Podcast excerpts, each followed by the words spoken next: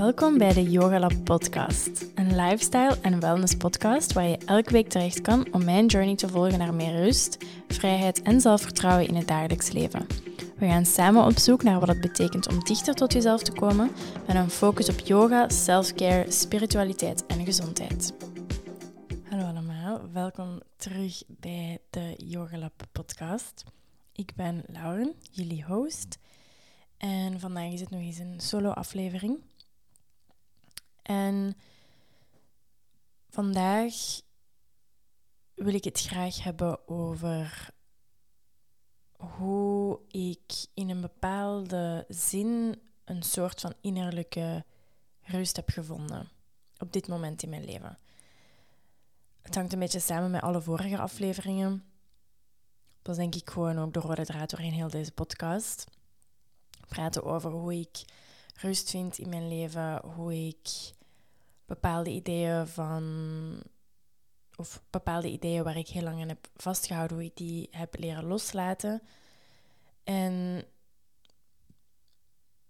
ik hoop dat ik niet in herhaling val op die manier, maar ik denk ook dat diezelfde boodschap in heel veel verschillende vormen kan meegegeven worden, met verschillende insteken. En ik denk dat uiteindelijk die boodschap voor mij nu de belangrijkste is in mijn leven. Dat is degene waar dat ik het meeste uit aan het leren ben. Dus de boodschap rond rust en loslaten. Die centraal staat in mijn leven. Dus ik vind het moeilijk om over veel anders te praten als dat het uiteindelijk hetgene is waar dat ik op dit moment middenin zit. En waar ik heel veel over aan het leren ben, waar ik veel, heel veel uit aan het leren ben. En um, dingen die ik gewoon heel graag wil meegeven. En ik weet gewoon niet altijd heel goed in welk formaat of in welke of op welke manier ik mijn gedachten kan overbrengen op een gestructureerde manier, op een manier die begrijpelijk is.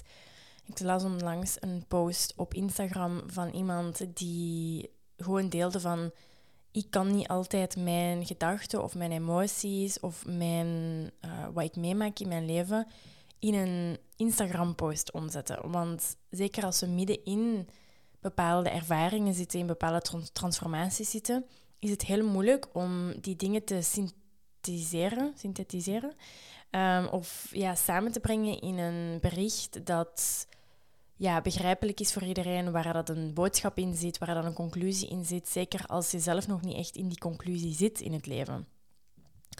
Dus dit is ook een beetje meer um, in het midden van het proces dat ik aan het meemaken ben. Dus ik ben nog niet aan de andere kant of zo. Ik denk ook niet dat dat per se bestaat als het over um, mentale gezondheid gaat. In de zin van dat ik denk dat we ons altijd. Ja, dat, niet dat we ons altijd beter kunnen voelen, maar dat er niet ineens een oplossing is en dat we ons nooit meer slecht kunnen voelen. Dat is eerder wat ik bedoel. Um, ik ben nu op een punt gekomen waar ik mij heel goed in mijn vel voel, waar ik heel gelukkig ben met wat ik heb, wat dat er rond mij is, wat dat er van binnen is vooral. Um, en ik denk niet dat ik ooit had gedacht, als ik terugga in de tijd, vijf jaar geleden, uh, wanneer ik mij vrij slecht voelde, dingen waar ik ook heel uh, open over praat in mijn podcast over mentale gezondheid. Ik denk niet dat als ik terugkijk dat ik op dat moment had geloofd dat ik ooit zou kunnen staan waar ik nu sta. Dat is denk ik een beetje een kenmerk aan um, ja, mentale gezondheid. Dat als je in een slechte periode zit, of als je depressief bent of angstig bent of depressieve gedachten hebt, dat je, dat je gewoon doemsdenk, gaat doemsdenken en dat je niet echt gelooft dat er ooit iets beter gaat kunnen zijn. En ik wil gewoon meegeven dat dat wel bestaat, dat dat wel kan. Dat je je beter gaat voelen op een bepaald moment als je bepaalde dingen gaat doen. We kunnen niet gewoon verwachten dat ons leven gaat veranderen als we zelf diezelfde dingen blijven doen die ons uiteindelijk slecht doen voelen. Dus dat is ook een beetje wat ik wil meegeven, is dat als we ons leven in onze eigen handen nemen, dat we ook vaak verbetering zien en dat we ook ons leven kunnen gaan leiden op een manier die goed voelt voor ons. En zoals altijd wil ik hier ook een disclaimer geven dat ik het dat ik echt enkel uit persoonlijke ervaring spreek. Dus ik wil hier zeker niemand tegen de borst stoten dat ik uh, mentale gezondheid minimaliseer. Dat doe ik zeker en vast niet. Ik weet hoe belangrijk dat is. Ik weet hoe slecht dat je je kan voelen. Maar ik, wat, ik gewoon, wat ik ook gewoon wil meegeven is hoe dat ik uiteindelijk daaruit ben geraakt. En hoe ik um, ja, op een punt ben gekomen waarbij ik nog vrij weinig aan mezelf wil veranderen. En ik me niet per se meer laat leiden door wat er rondom mij gebeurt, door wat anderen van mij zouden denken. Um, wat, dat, wat ik denk dat ik zou moeten doen. Ja, dat, zijn, dat is een heel breed um, onderwerp natuurlijk. Maar vandaag wil ik het specifiek hebben over hoe ik van een vrij angstige persoon ben gegaan uh, naar iemand die, zoals ik het al net vertelde, vrij gelukkig is met zichzelf. En ik wil deze podcast opnemen naar aanleiding van uh, het lezen van mijn journals van vorig jaar. En ik was uh, geïnspireerd om dit te doen door Jazz the Moonmother. Dat is iemand die ik op Instagram volg en ik ook um, heel veel aan heb gehad de voorbije maanden. Dus um, dat is iemand waar ik ook al heel vaak heb over gehad. Dus je kan haar zeker eens gaan volgen. Um, maar zij deelde ook hoe dat zij eigenlijk heel veel heeft geleerd door terug te gaan kijken naar haar journals van de voorbije jaren en te zien wat dat juist veranderd is, wat dat zij net heeft gedaan om haar beter te gaan voelen en om eigenlijk haar doel in het leven een beetje te gaan vinden. En dat is ook denk ik de kracht van journaling. Dus als je daar nog niet mee bezig bent, dat is ook geen ramp natuurlijk. Um, en als dat niet goed voelt, dan is dat ook niks voor jou misschien, ik weet het niet. Maar ik ben beginnen journalen vorig jaar tijdens de tweede lockdown. Daarvoor deed ik daar wel aan, uh, al aan journalen, maar niet zo consistent als ik nu doe. Nu ben ik bijna dagelijks of misschien om de dag aan het schrijven in mijn journal. En ik heb ook het bepaalde idee dat we dat elke dag moeten doen of dat er een bepaalde routine in moet zitten, heb ik ook al kunnen loslaten. Dus ik schrijf nu vooral in mijn journal wanneer ik daar zin in heb, wanneer ik er nood aan heb zonder mezelf te forceren om daar elke dag in te schrijven. Maar dus toen de tweede lockdown begon in november, toen was ik weer tijdelijk werkloos en zat ik thuis. En ik weet nog het moment dat ik op de tv hoorde dat de restaurants terug toegingen. Dus ik werk in een restaurant, dus vandaar dat de horeca terug toeging.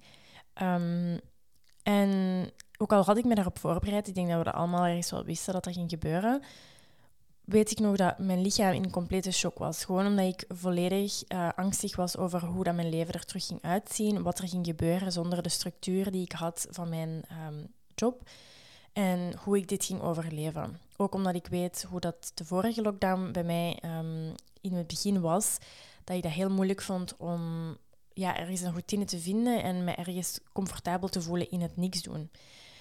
Um, en ik was aan het lezen hoe dat ik me voelde op het moment. Want ik heb toen uh, die dag in mijn journal geschreven van oké, ehm, ik ben terug thuis, ik ben terug werkloos. Hoe ga ik dit aanpakken? Hoe ga ik dit doen?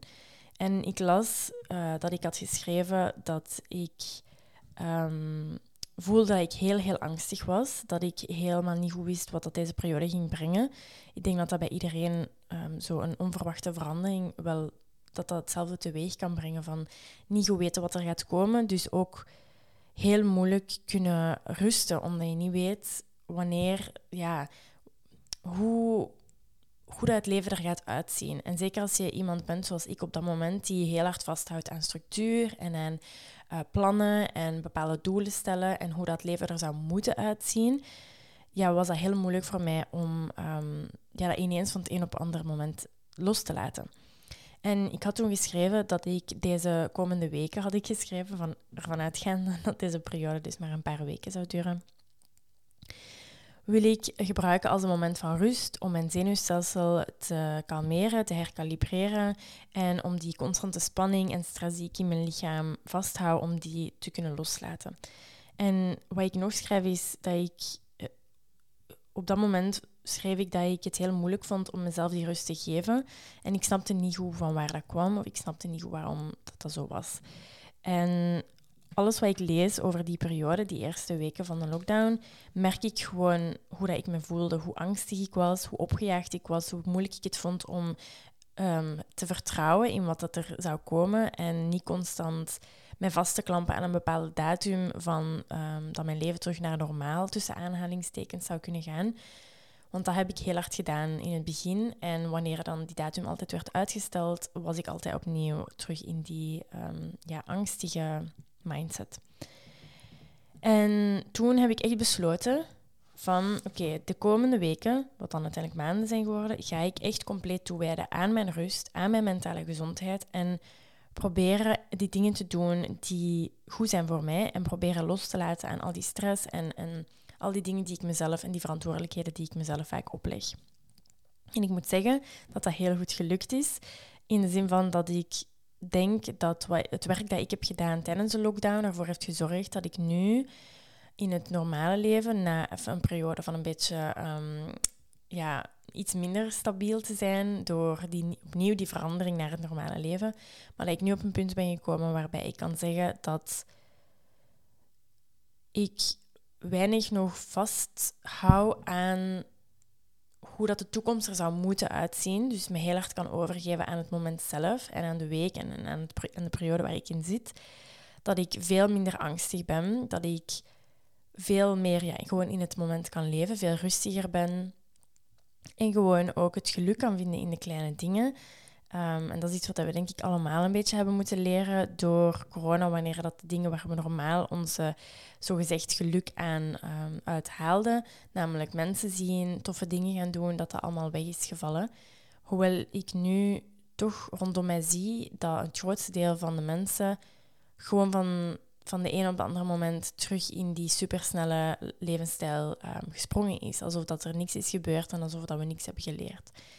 En er zijn natuurlijk mensen voor wie dat deze levensstijl perfect werkt en ook veel beter voelt dan, dan de rust die we hebben gehad tijdens um, de lockdown. En er zijn ook mensen voor wie die lockdown niet echt um, zo een positieve ervaring is geweest als dat dat voor mij was. Dat snap ik ook natuurlijk.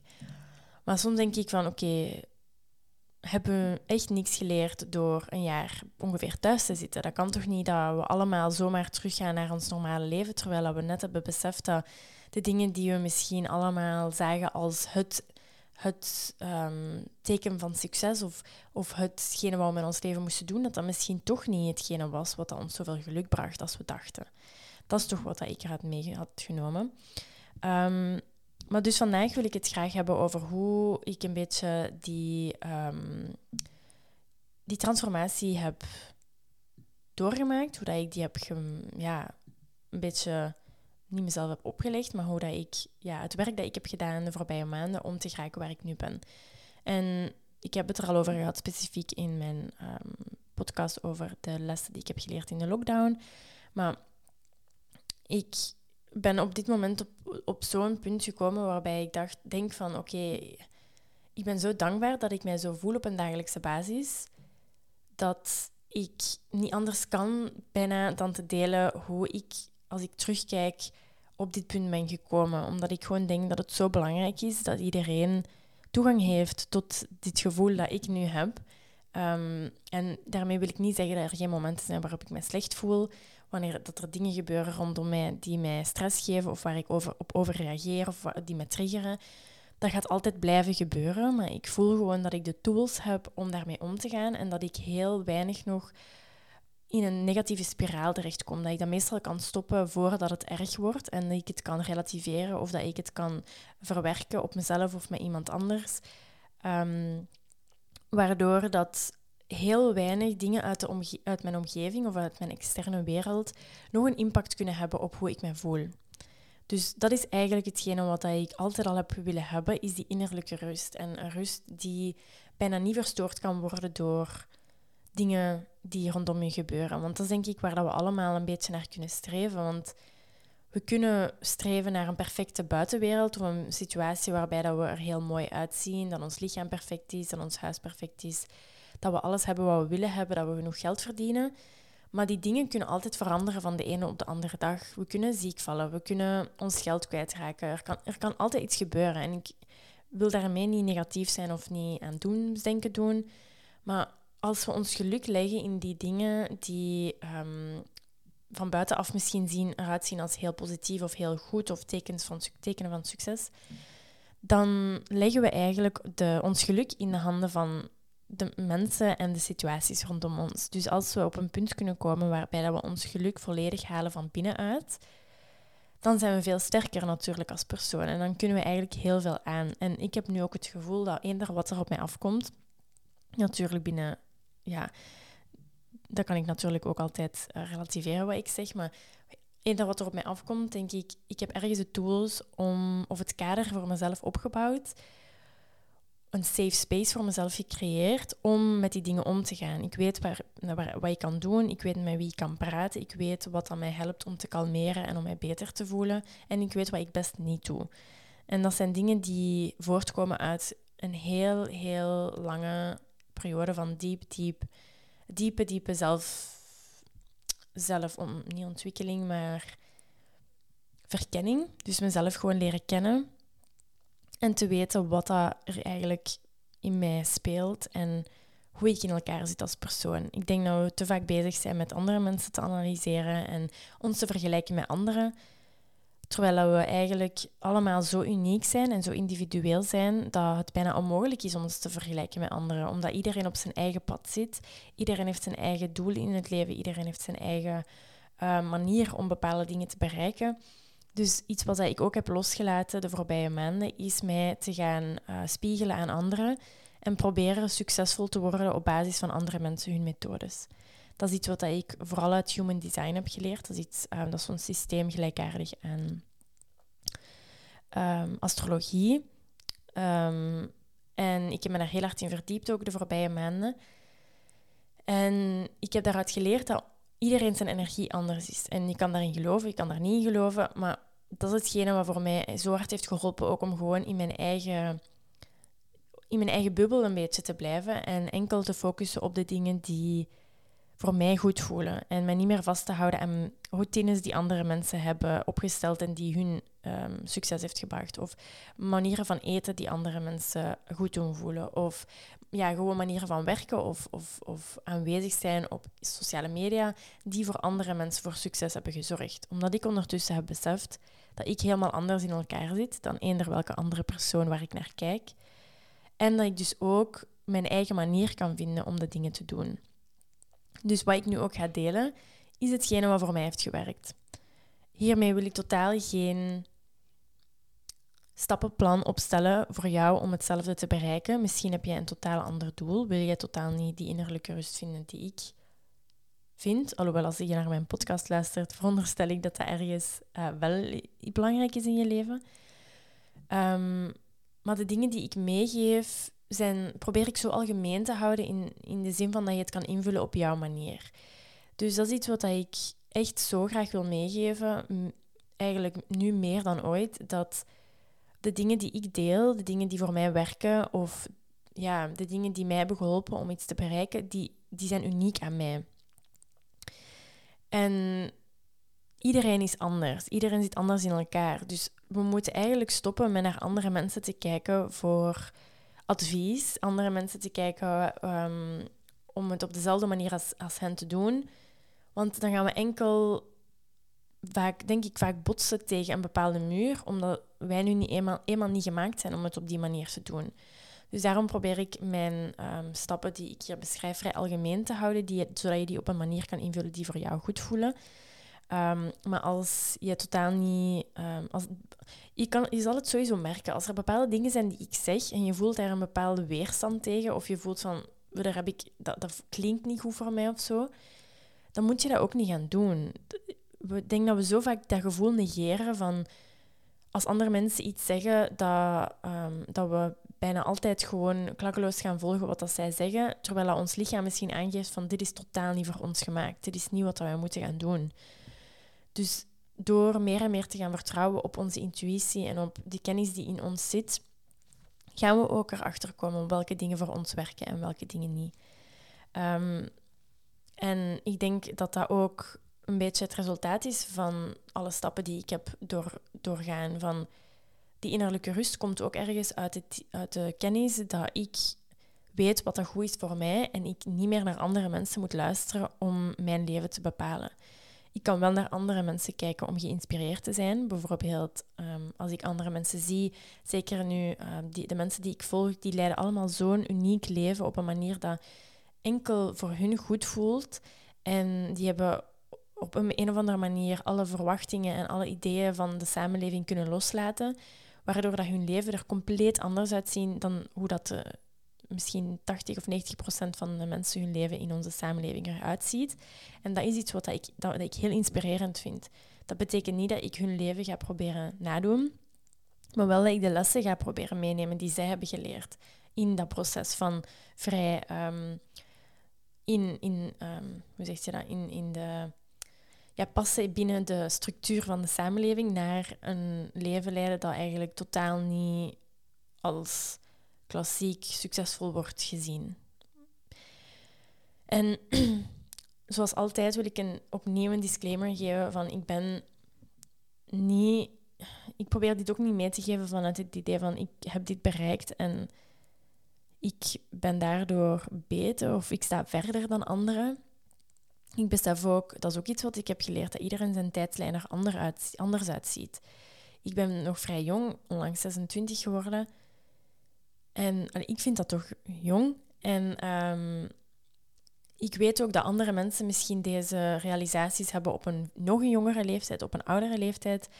Maar ik denk dat we ons ook niet mogen vastklampen aan het concept van leeftijd, ehm, omdat we dan ook weer gaan zitten in die, in die spiraal van vergelijken en jonger en ouder en ik ben al te oud en ik kan dit niet meer doen, ik kan niet veranderen en, en al die dingen. Ik hoop dat deze uitleg of het geven van deze context een beetje heeft geholpen. Ehm, maar dus nu wil ik graag die verschillende stappen delen die um, mij zo hebben geholpen. En ik heb deze podcast al, of deze aflevering al heel vaak proberen op, opnemen. Maar ik, ja, ik, het lukte mij niet om, om die stappen ergens op te schrijven. En door dan terug te gaan naar mijn journals, ben ik dan wel erin geslaagd om die stappen op te schrijven omdat ik kon zien van oké, wat dat ik heb gedaan specifiek en hoe ik me voelde en dan hoe ik me nu voelde en wat ik me kan herinneren dat ik heb gedaan om hier te geraken. Want dus voor mij het allerbelangrijkste um, was in de voorbije maanden, of is de voorbije maanden geweest, om mijn emoties te leren voelen en toe te laten. En ik ben zelf een heel emotioneel persoon en niet per se in de zin van um, altijd negatief, niet negatief, maar niet altijd in de zin van wenen, alhoewel dat daar ook wel um, bij hoort. Maar ik voel gewoon heel veel emoties. Positieve emoties, negatieve emoties. ik wil er eigenlijk niet echt een label op plakken, maar ik voel gewoon het volledige spectrum van emoties um, heel intens. Op een dagelijkse basis. En vroeger zag ik dat altijd als iets negatiefs of iets dat mij heel kwetsbaar maakte en iets dat mij anders maakte aan anderen. En dat is natuurlijk niet fijn om je anders te voelen. Zeker als je jonger bent, dan is dat iets wat we allemaal willen voorkomen. Om anders te zijn. Maar het voorbije jaar heb ik geleerd, onder andere door therapie en door heel veel bij te leren over mijn hoogsensitiviteit en over mijn human design en over mijn astrologie, ik, gewoon alle aspecten van mijn persoon wijzen naar het feit dat ik heel emotioneel ben. Ik ben een kreeft, zowel um, in mijn sun sign als mijn moon sign. Um, of mijn zonne uh, horoscoop en mijn maan. Wat dat betekent, ja, kreeften zijn heel emotioneel, heel nurturing, zo'n beetje de moederfiguur in, in, in de groep of in, in het leven. En die voelen dus hun emoties heel, heel sterk en heel diep. Hetzelfde geldt voor mijn hoogsensitiviteit. Als hoogsensitief persoon voel ik ook gewoon, denk ik, veel meer. En dat geldt, het, dat geldt ook voor mijn emoties. En in um, Human Design ben ik, uh, is mijn autoriteit is, um, emotioneel. Dus dat betekent dat ik um, gemaakt ben om mijn, mijn beslissingen te maken op basis van een bepaalde emotionele wave die ik doorga. Dus in plaats van een beslissing. Dus eigenlijk, als je iets van human design kent of als je hierin geïnteresseerd bent, Human Design zegt eigenlijk dat we, geen van ons is gemaakt om beslissingen te maken op basis van het rationele of op basis van het denken. Maar eerder op basis van andere dingen, zoals bij mij is dat dan mijn emoties. En als um, emotional um, authority ga ik heel veel emoties doormaken bij elke beslissing. Dus als iemand iets zegt of iets voorstelt, ga ik misschien initieel super enthousiast zijn. Een paar uur later kan ik dan super twijfelachtig zijn en me heel slecht voelen over die beslissing. Ehm, en dan kom ik normaal op een vrij neutrale plek waar dat ik iets objectiever een beslissing kan maken, maar nog steeds op basis van mijn emoties die ik heb, allemaal heb doorgegaan. Dus ik ben gewoon een. dat is heel lang om uit te leggen dat ik gewoon een heel emotioneel persoon ben. Dat ik heel veel emoties voel. En ik heb dat denk ik heel lang niet verborgen. Ik denk dat mensen die mij kennen misschien sowieso wel weten dat ik een emotioneel persoon ben. Maar dat is niet iets waar ik heel um, open over wou zijn of zo. Of ik probeerde die vaak ook in te houden. En de laatste uh, maanden heb ik gewoon geleerd dat het geen zin heeft in de eerste plaats om die emoties weg te stoppen en te negeren. Maar ook dat het zoveel deugd kan doen om die emoties gewoon toe te laten en om die te gaan verkennen. Van oké, van waar komt deze emotie? Wat is de trigger geweest om mij bijvoorbeeld boos te voelen, of droevig te voelen, of blij te voelen, of teleurgesteld te voelen. En het maakt niet uit wat dat het allemaal is. Er is zo'n breed spectrum aan emoties die we kunnen voelen op een dagelijkse basis. Maar om die echt te gaan verkennen en wat dat alles mij eh, doet, voel, doet voelen, welk gevoel ik heb bij bepaalde situaties, bij bepaalde personen, bij bepaalde verhalen of bepaalde gedachten. En dat heb ik allemaal gedaan met de hulp van mijn therapeut natuurlijk. dat is iets wat ik niet alleen had kunnen doen. Ik denk dat we nog zoveel boeken kunnen lezen over emoties of zelfontwikkelingsboeken kunnen lezen. Maar als we die niet leren toepassen in een safe space, in een kader waarbij dat we tools krijgen om dat toe te passen, dan heeft het weinig zin, denk ik. Dat is toch mijn persoonlijke ervaring. Dus met, om iemand, door met iemand te gaan praten die mij ten eerste kon erkennen dat al mijn emoties terecht waren en dat die welkom waren en dat die er mochten zijn. En om dan nog eens um, te leren daarmee omgaan en te leren wat dat die emoties betekenen en hoe dat ik erachter kon komen van waar die emoties kwamen, dat heeft me echt enorm geholpen. En dat zorgt er ook voor dat ik elke emotie die nu komt, niet per se meer ga oordelen. En als er een negatieve, negatieve tussen aanhalingstekens, emotie komt, ehm, bijvoorbeeld een boos gevoel of een teleurgesteld gevoel, dan ga ik ook mezelf niet slecht daarover voelen dat ik me zo voel. Want dat is vaak ook een spiraal dat bij mij um, aanwezig was, dat ik me dan schuldig voelde over een bepaalde negatieve emotie die ik had. Dat heeft natuurlijk ook geen zin, want dat helpt, helpt niet. Dus mijn emoties leren voelen aan de hand van ehm, de hulp van mijn therapeut. En ook uh, meditatie is hier echt heel cruciaal in geweest. Dus ik ben op hetzelfde moment ook beginnen met mediteren. Dus vorig jaar in november. Ik mediteerde al vaker. Natuurlijk als yogaleerkracht is meditatie ook een heel groot deel van... Ja, yoga is, uh, meditatie is gewoon een groot deel van yoga een groot element daarvan. Ehm, maar ik heb nooit meditaties consistent kunnen volhouden. Dus ik deed dat altijd zo'n paar dagen en dan stopte ik ermee of één keer per week. En enkel op de momenten dat ik me echt slecht voelde en dat ik geen andere uitweg wist, bijvoorbeeld. Ehm, en nu ben ik dus iemand geworden die niet elke dag, want dat is iets waar ik het straks over ga hebben, maar ik wil mezelf niet echt een strikte routine opleggen.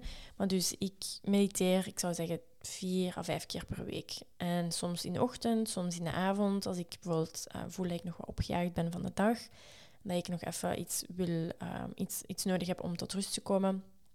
Na het werken bijvoorbeeld, als ik een drukke dag heb gehad. Um, eigenlijk eender wanneer dat ik zin heb om te mediteren. En die zin om te mediteren, die is er vaker en vaker. Die is echt heel aanwezig geworden bij mij.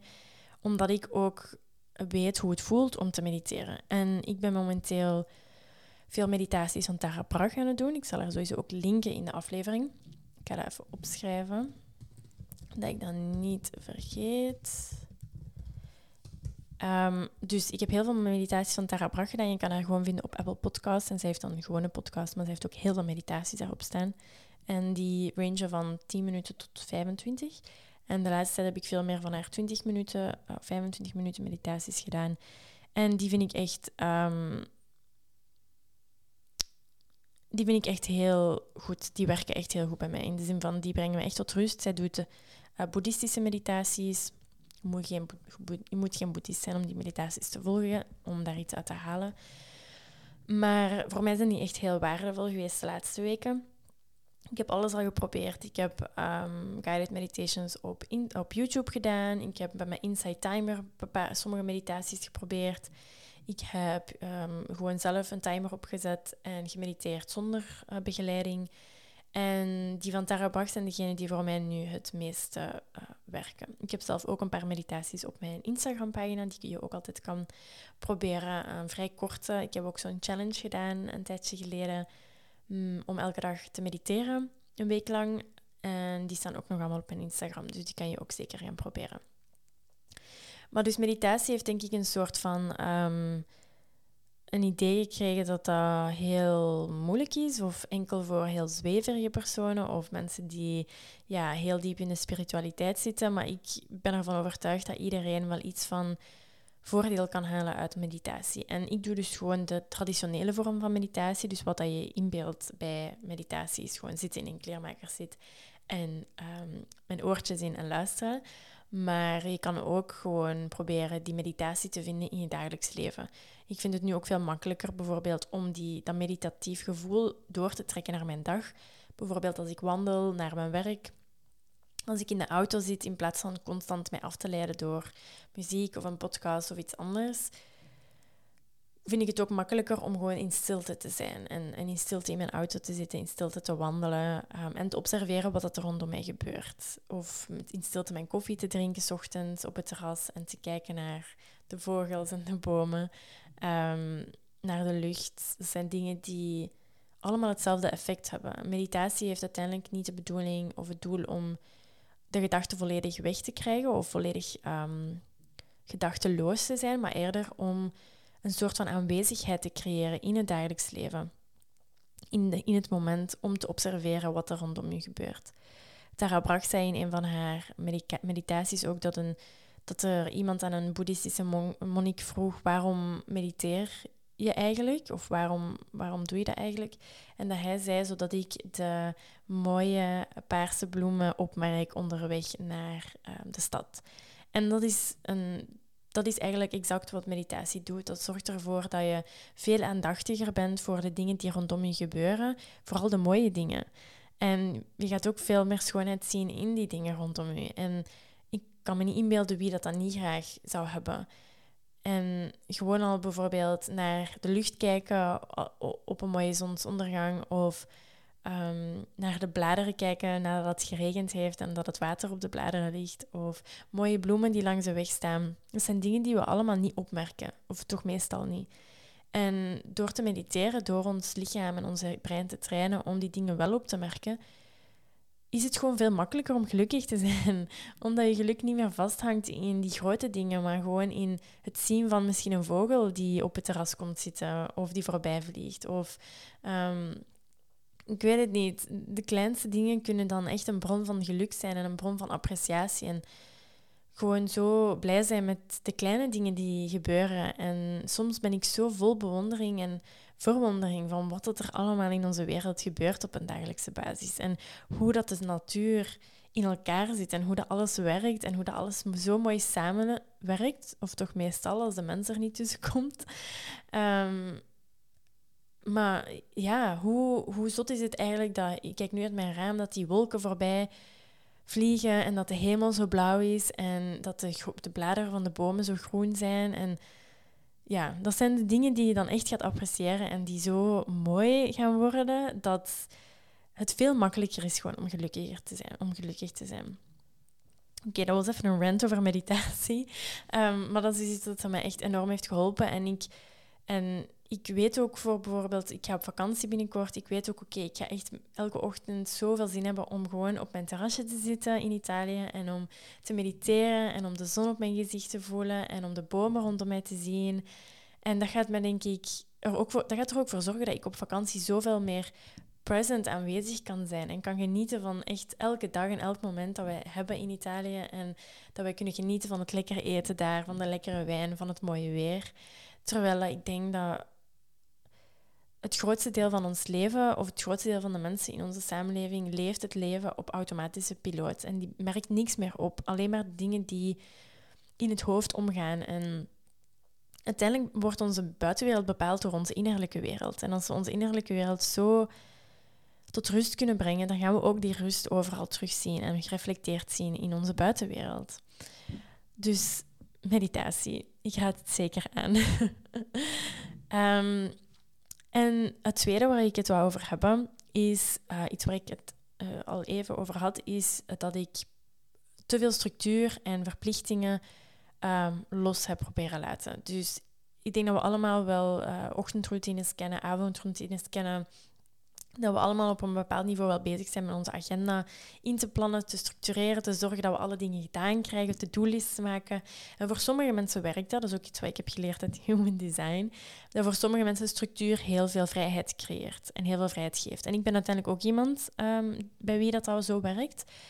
Heb ik uh, uit mijn uh, chart geleerd en ook gewoon uit mijn leven. Ik weet als ik een bepaalde routine heb of een bepaalde um, manier van mijn week te leven, dat ja, eigenlijk als, ik mijn, als mijn week er altijd ongeveer hetzelfde uitziet, dat brengt me heel veel rust en um, ruimte om dan in die tijd dat ik heb om heel vrij te zijn. Maar het probleem was dat ik in die structuur mezelf eigenlijk heel hard vast had gezet. In de zin van dat de tijd die ik dan over had, om, of de ruimte die ik had om niks te doen, om te ontspannen, om met mezelf bezig te zijn, ik constant ook bleef invullen met dingen die ik kon doen. En zelfs uh, die eerste weken van de lockdown bleef ik opstaan om zeven uur om te kunnen sporten of mijn yoga te doen, om te kunnen mediteren, om te journalen. En ik had er een heel strikte routine van gemaakt. En uiteindelijk voelde dat niet meer goed in mijn lichaam. En voelde ik dat ik ergens tegen aan het, aan het botsen was. En ergens is het heel moeilijk om die structuur los te laten. Ik denk dat we bijna allemaal zo opgegroeid zijn uh, met die structuur. Ook ja, onze, ons schoolleven, ons, op de universiteit, alles was voor ons een bepaald rooster en een bepaalde structuur. En ook onze job vaak. Maar meestal merk ik dat we dan de neiging hebben om die structuur ook door te trekken naar onze persoonlijk leven en onze vrije tijd. Wat dat eigenlijk dan een beetje niet, niet niet, niet echt de bedoeling is in de zin van dat we onszelf niks van vrijheid geven om onze tijd in te vullen, hoe, dat het, hoe dat we op dat moment voelen dat dat goed voelt. Dat is natuurlijk bedoel. Um, maar dus ik heb heel veel ochtendroutines waar dat ik... Um, bijvoorbeeld, ik had ook de 5 am Club gelezen uh, een tijdje geleden. Ik heb heel veel opgezocht op YouTube van die video's van morning routines, to be successful. Ik denk dat je het wel kent. Um, en gewoon heel hard andere mensen hun routines aan het uh, blijven kopiëren. Dus een manier vinden om. Um, of denken dat als ik mensen hun routine zou kopiëren, dat ik ook zo succesvol zou worden als zij zijn. Um, wat dan natuurlijk niet altijd het geval is, zeker als uw energie of als uw, uw manier van leven of werken niet overeenkomt met die persoon zijn manier van werken of leven. Um, en ik heb dat heel hard geleerd dat dus de vrijheid die ik mezelf nu geef om vaak wakker te worden op het uur dat ik wakker word, of uh, mijn wekker wat later te zetten als ik weet dat ik later ga slapen, en mezelf niet te forceren om altijd op hetzelfde uur wakker te worden, ook al slaap ik veel, word, ga ik veel later slapen bijvoorbeeld. Om mezelf die vrijheid te geven, waardoor ik ook vaak veel minder, uh, veel minder vermoeid ben, ik veel vaker uh, beter uitgerust ben. Ik doe dan mijn yoga als ik zin heb in yoga of als ik voel dat mijn lichaam nooit heeft aan beweging. Ik doe een workout wanneer ik te veel energie heb die op moet, op moet geraken. Ik mediteer wanneer ik daar zin in heb en wanneer ik daar nooit aan heb. En ik neem een journal erbij wanneer ik daar nooit aan heb. Dus ergens is er niks van vaste structuur meer in mijn ochtend. En ik heb mezelf dat kunnen gunnen omdat ik ook omdat ik mezelf ook eigenlijk leerde vertrouwen. In de zin van, vroeger vertrouwde ik mezelf nooit om vrijheid te voelen en te hebben.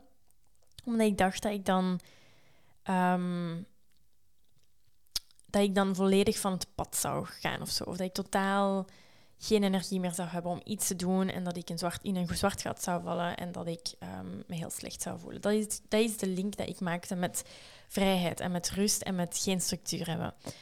En uiteindelijk heb ik ook geleerd dat als we onszelf vertrouwen, als we weten ik weet bijvoorbeeld, oké, meditatie en yoga is iets wat mij altijd heel goed doet voelen. En hetzelfde met journaling of um, uitslapen, um, niet te veel cafeïne drinken. Dat zijn allemaal dingen die ik weet over mezelf. En in plaats van Ik denk dat we allemaal zoveel dingen weten over onszelf en dat we die constant toch doen. De dingen die niet goed voelen, dat we die toch doen. En de dingen die wel goed voelen, dat we die niet doen. Als een vorm van zelfsabotage ergens. Maar als we nu eens die dingen die we weten dat ons goed doen voelen, proberen op een manier te doen die goed voelen voor ons. En niet op een manier die andere mensen zeggen dat dat goed voelt.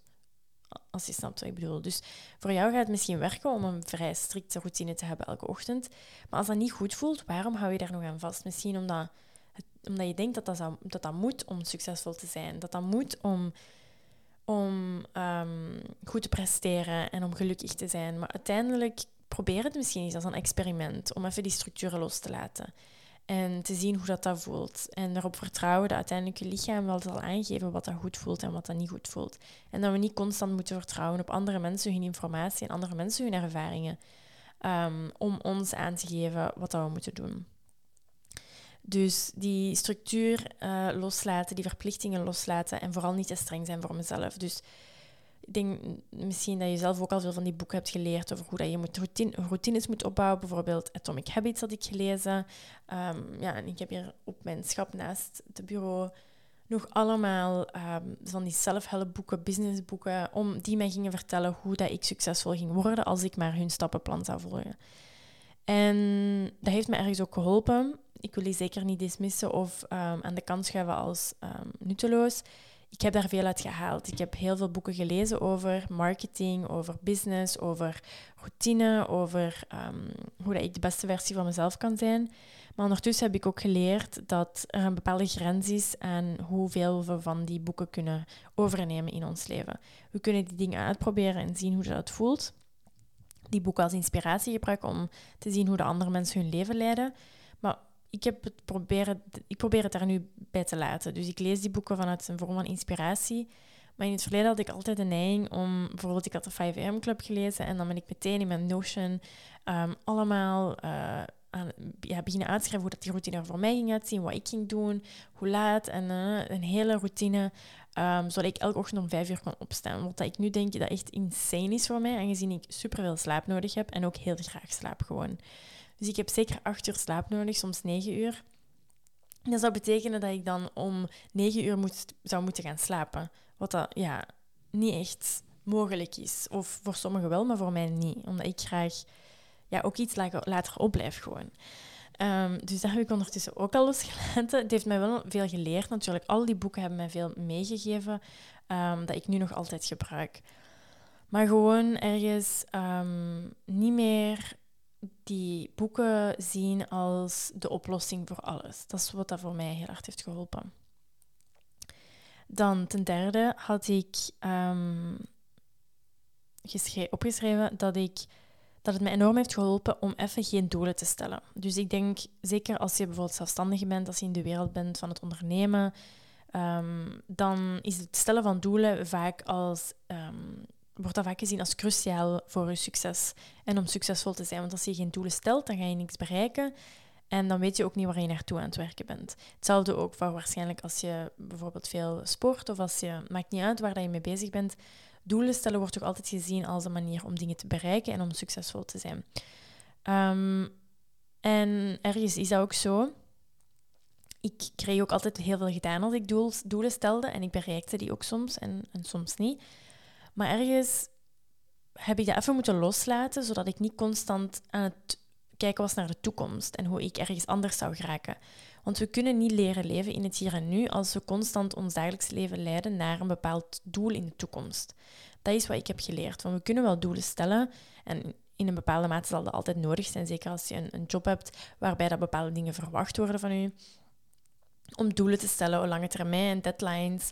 Um, maar bij mij heeft het heel hard geholpen om dat allemaal even los te laten. Ik ben nu nog altijd in een fase waarbij ik dat allemaal compleet loslaat. Er zijn weken geweest dat ik geen podcast heb uitgebracht. Er zijn weken geweest dat ik bijna niet op Instagram was. Er zijn weken geweest dat ik niet aan het brainstormen was over wat ik nog allemaal met mijn yoga studio kon doen.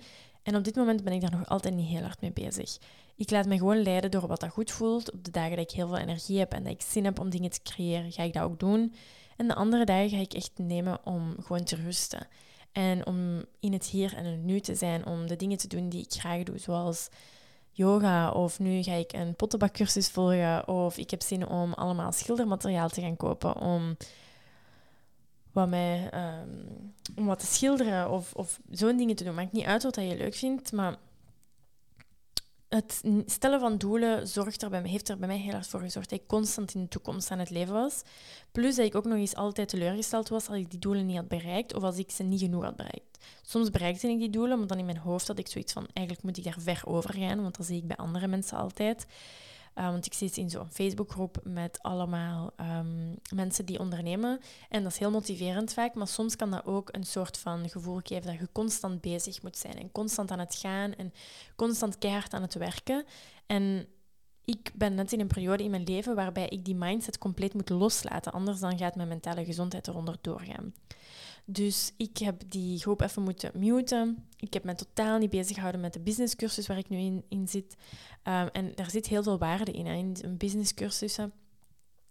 Maar je moet, ik voel ook aan dat dit niet het moment was om mij daarmee bezig te houden. En dat is ook oké. Dat is niet erg dat je dat even niet laat liggen. En dat is iets waar ik het straks over wil hebben. Maar we kunnen niet van mindset veranderen als we ons constant omringen door mensen die eigenlijk nog in die andere mindset zitten van gaan en werken en hustelen dat werkt niet. We zijn, dan worden we constant blootgesteld aan mensen die iets anders zeggen dan wat dat wij willen gaan geloven.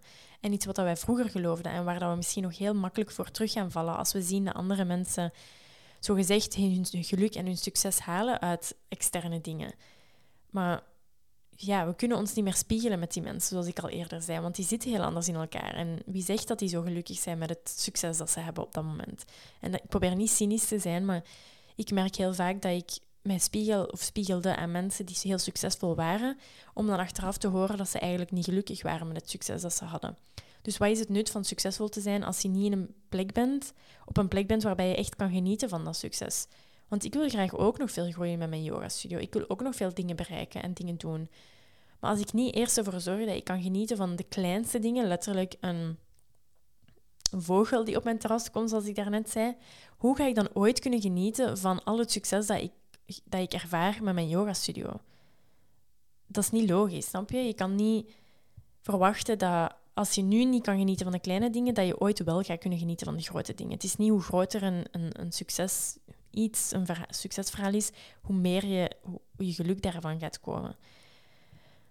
Ons geluk komt, denk ik, in gelijke mate van de dingen, onafhankelijk van hoe groot dat de dingen zijn. Als je snapt wat ik bedoel.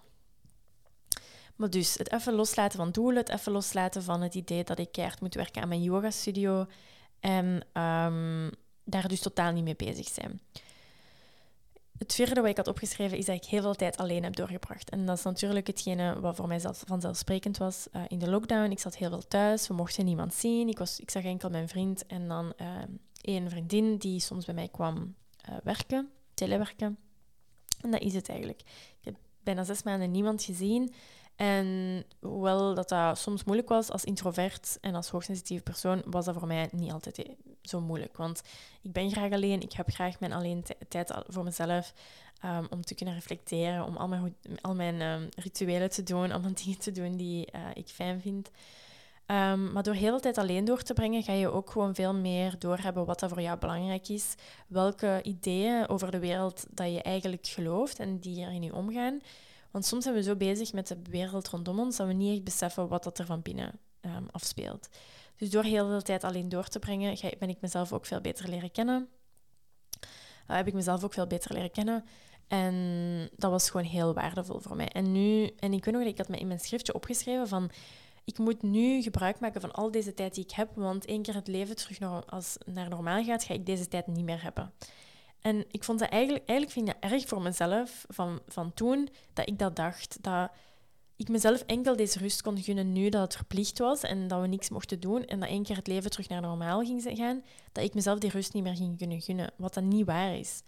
Ik heb vorig weekend ervoor gezorgd dat ik niks te doen had. Ik heb een heel vrij weekend.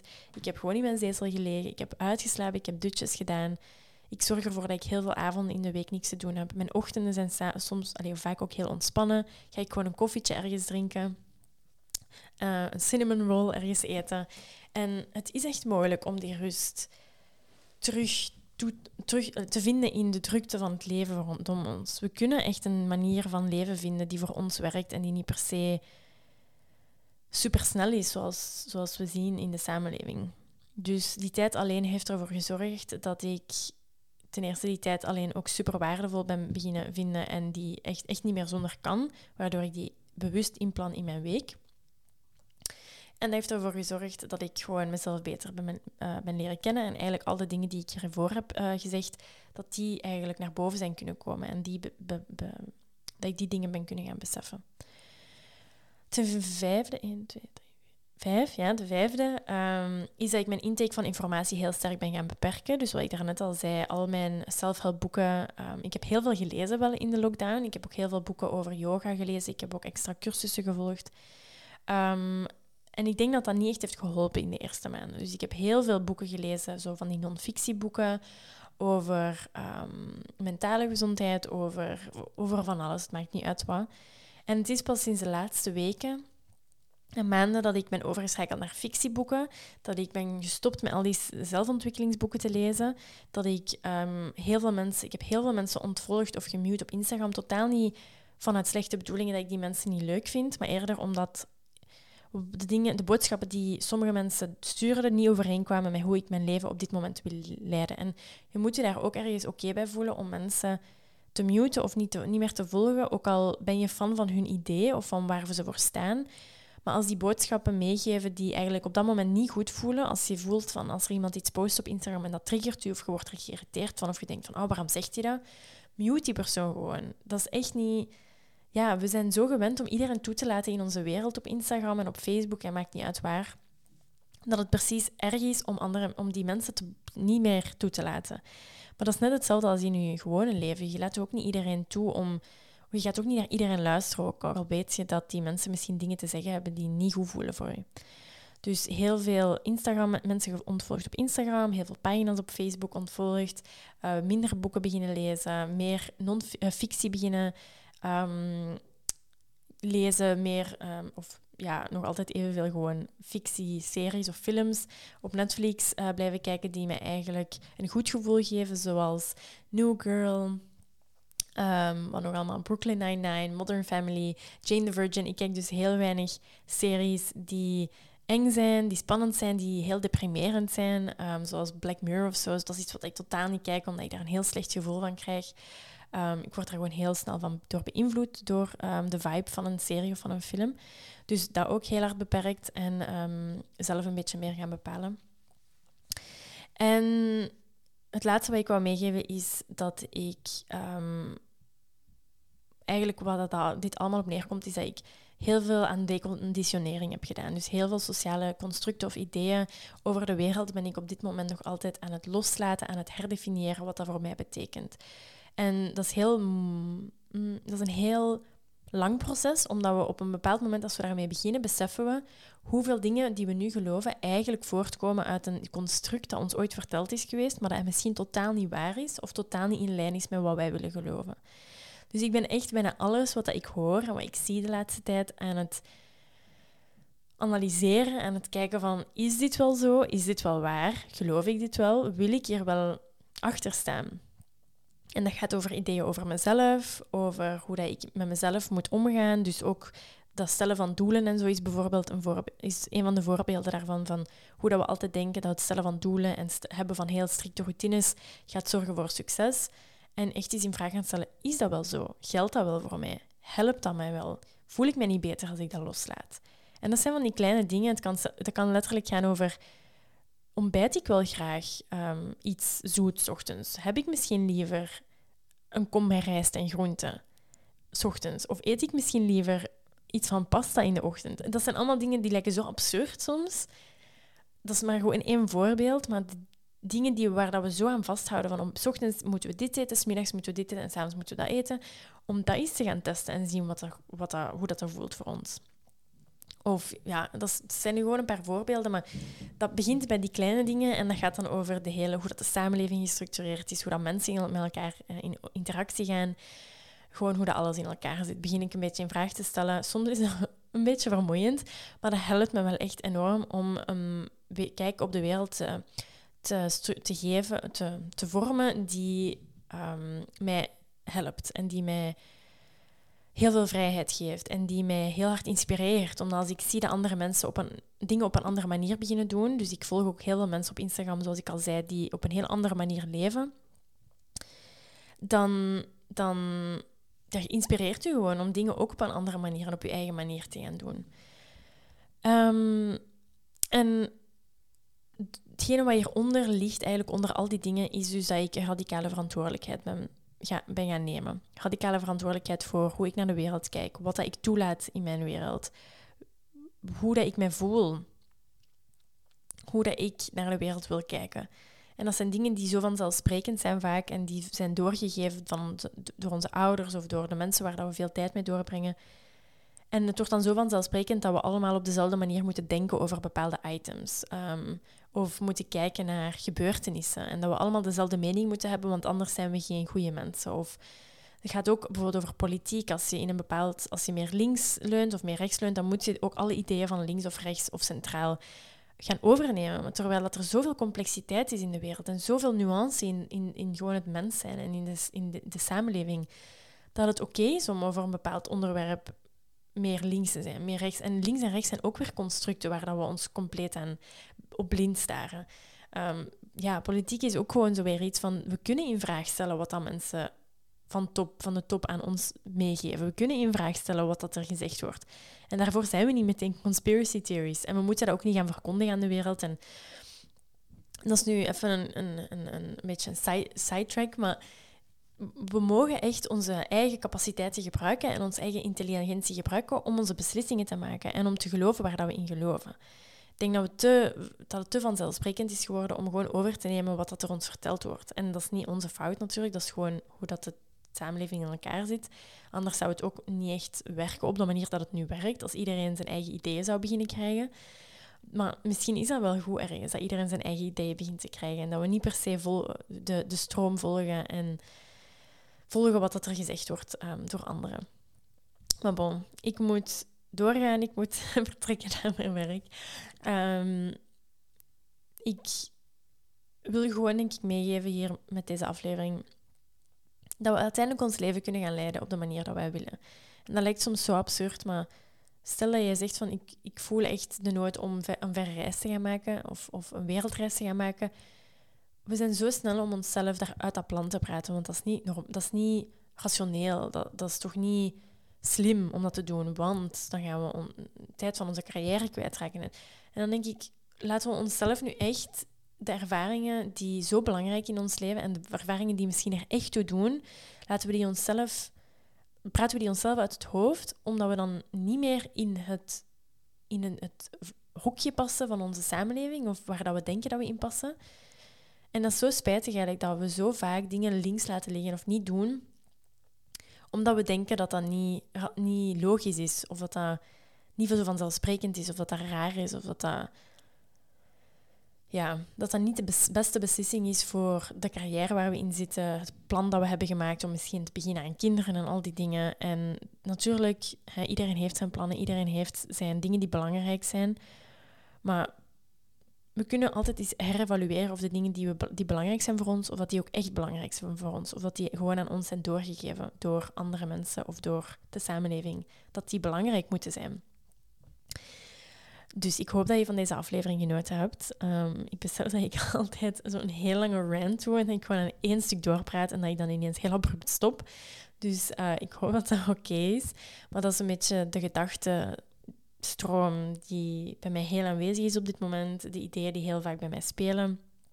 Sommige van die ideeën zijn misschien iets radicaler of niet zo vanzelfsprekend. Um, als er dingen zijn die niet goed voelen, dan moet je die natuurlijk ook niet doen of volgen. Um, ik hoop dat iets, dat iets van inspiratie kan opleveren, iets van erkenning kan opleveren en vooral dat het iets van um, hulp kan zijn als je in een gelijkaardige situatie zit als ik zat een paar maanden geleden. Dus ja, ik hoop dat deze tips of deze ja, richtlijnen, zijn ze ook niet echt, maar deze dingen die ik heb gedaan de voorbije maanden, um, dat die misschien uh, kunnen helpen of misschien een soort van inspiratie kunnen zijn om zelf op zoek te gaan naar de dingen die voor jou kunnen helpen. Um, dus ik ga je laten. Dank je wel om dit uur met mij door te brengen en om hier naar te luisteren, naar al mijn ideeën die soms een beetje van de hak op de tak zijn en niet altijd even gestructureerd. Um, maar ik vind het altijd heel fijn als ik deze dingen met, met jou kan delen. Ehm, ik hoop dat uh, je nog een hele, hele fijne dag hebt, een hele fijne week hebt. En dat je vooral kan genieten van de kleine dingen. Dat er dingen zijn vandaag die misschien zou gepasseerd zijn of dingen die je niet zou gezien hebben. Uh, waar dat je nu misschien iets meer aandacht aan kan besteden door gewoon een paar keer diep in en uit te ademen. Proberen te focussen op de ademhaling, op je lichaam, op de wereld rondom je. Um, en dan ga je je denk ik al veel beter voelen. Dus uh, nog eens bedankt om te luisteren en dan hoor ik je graag terug in de volgende aflevering. Doei!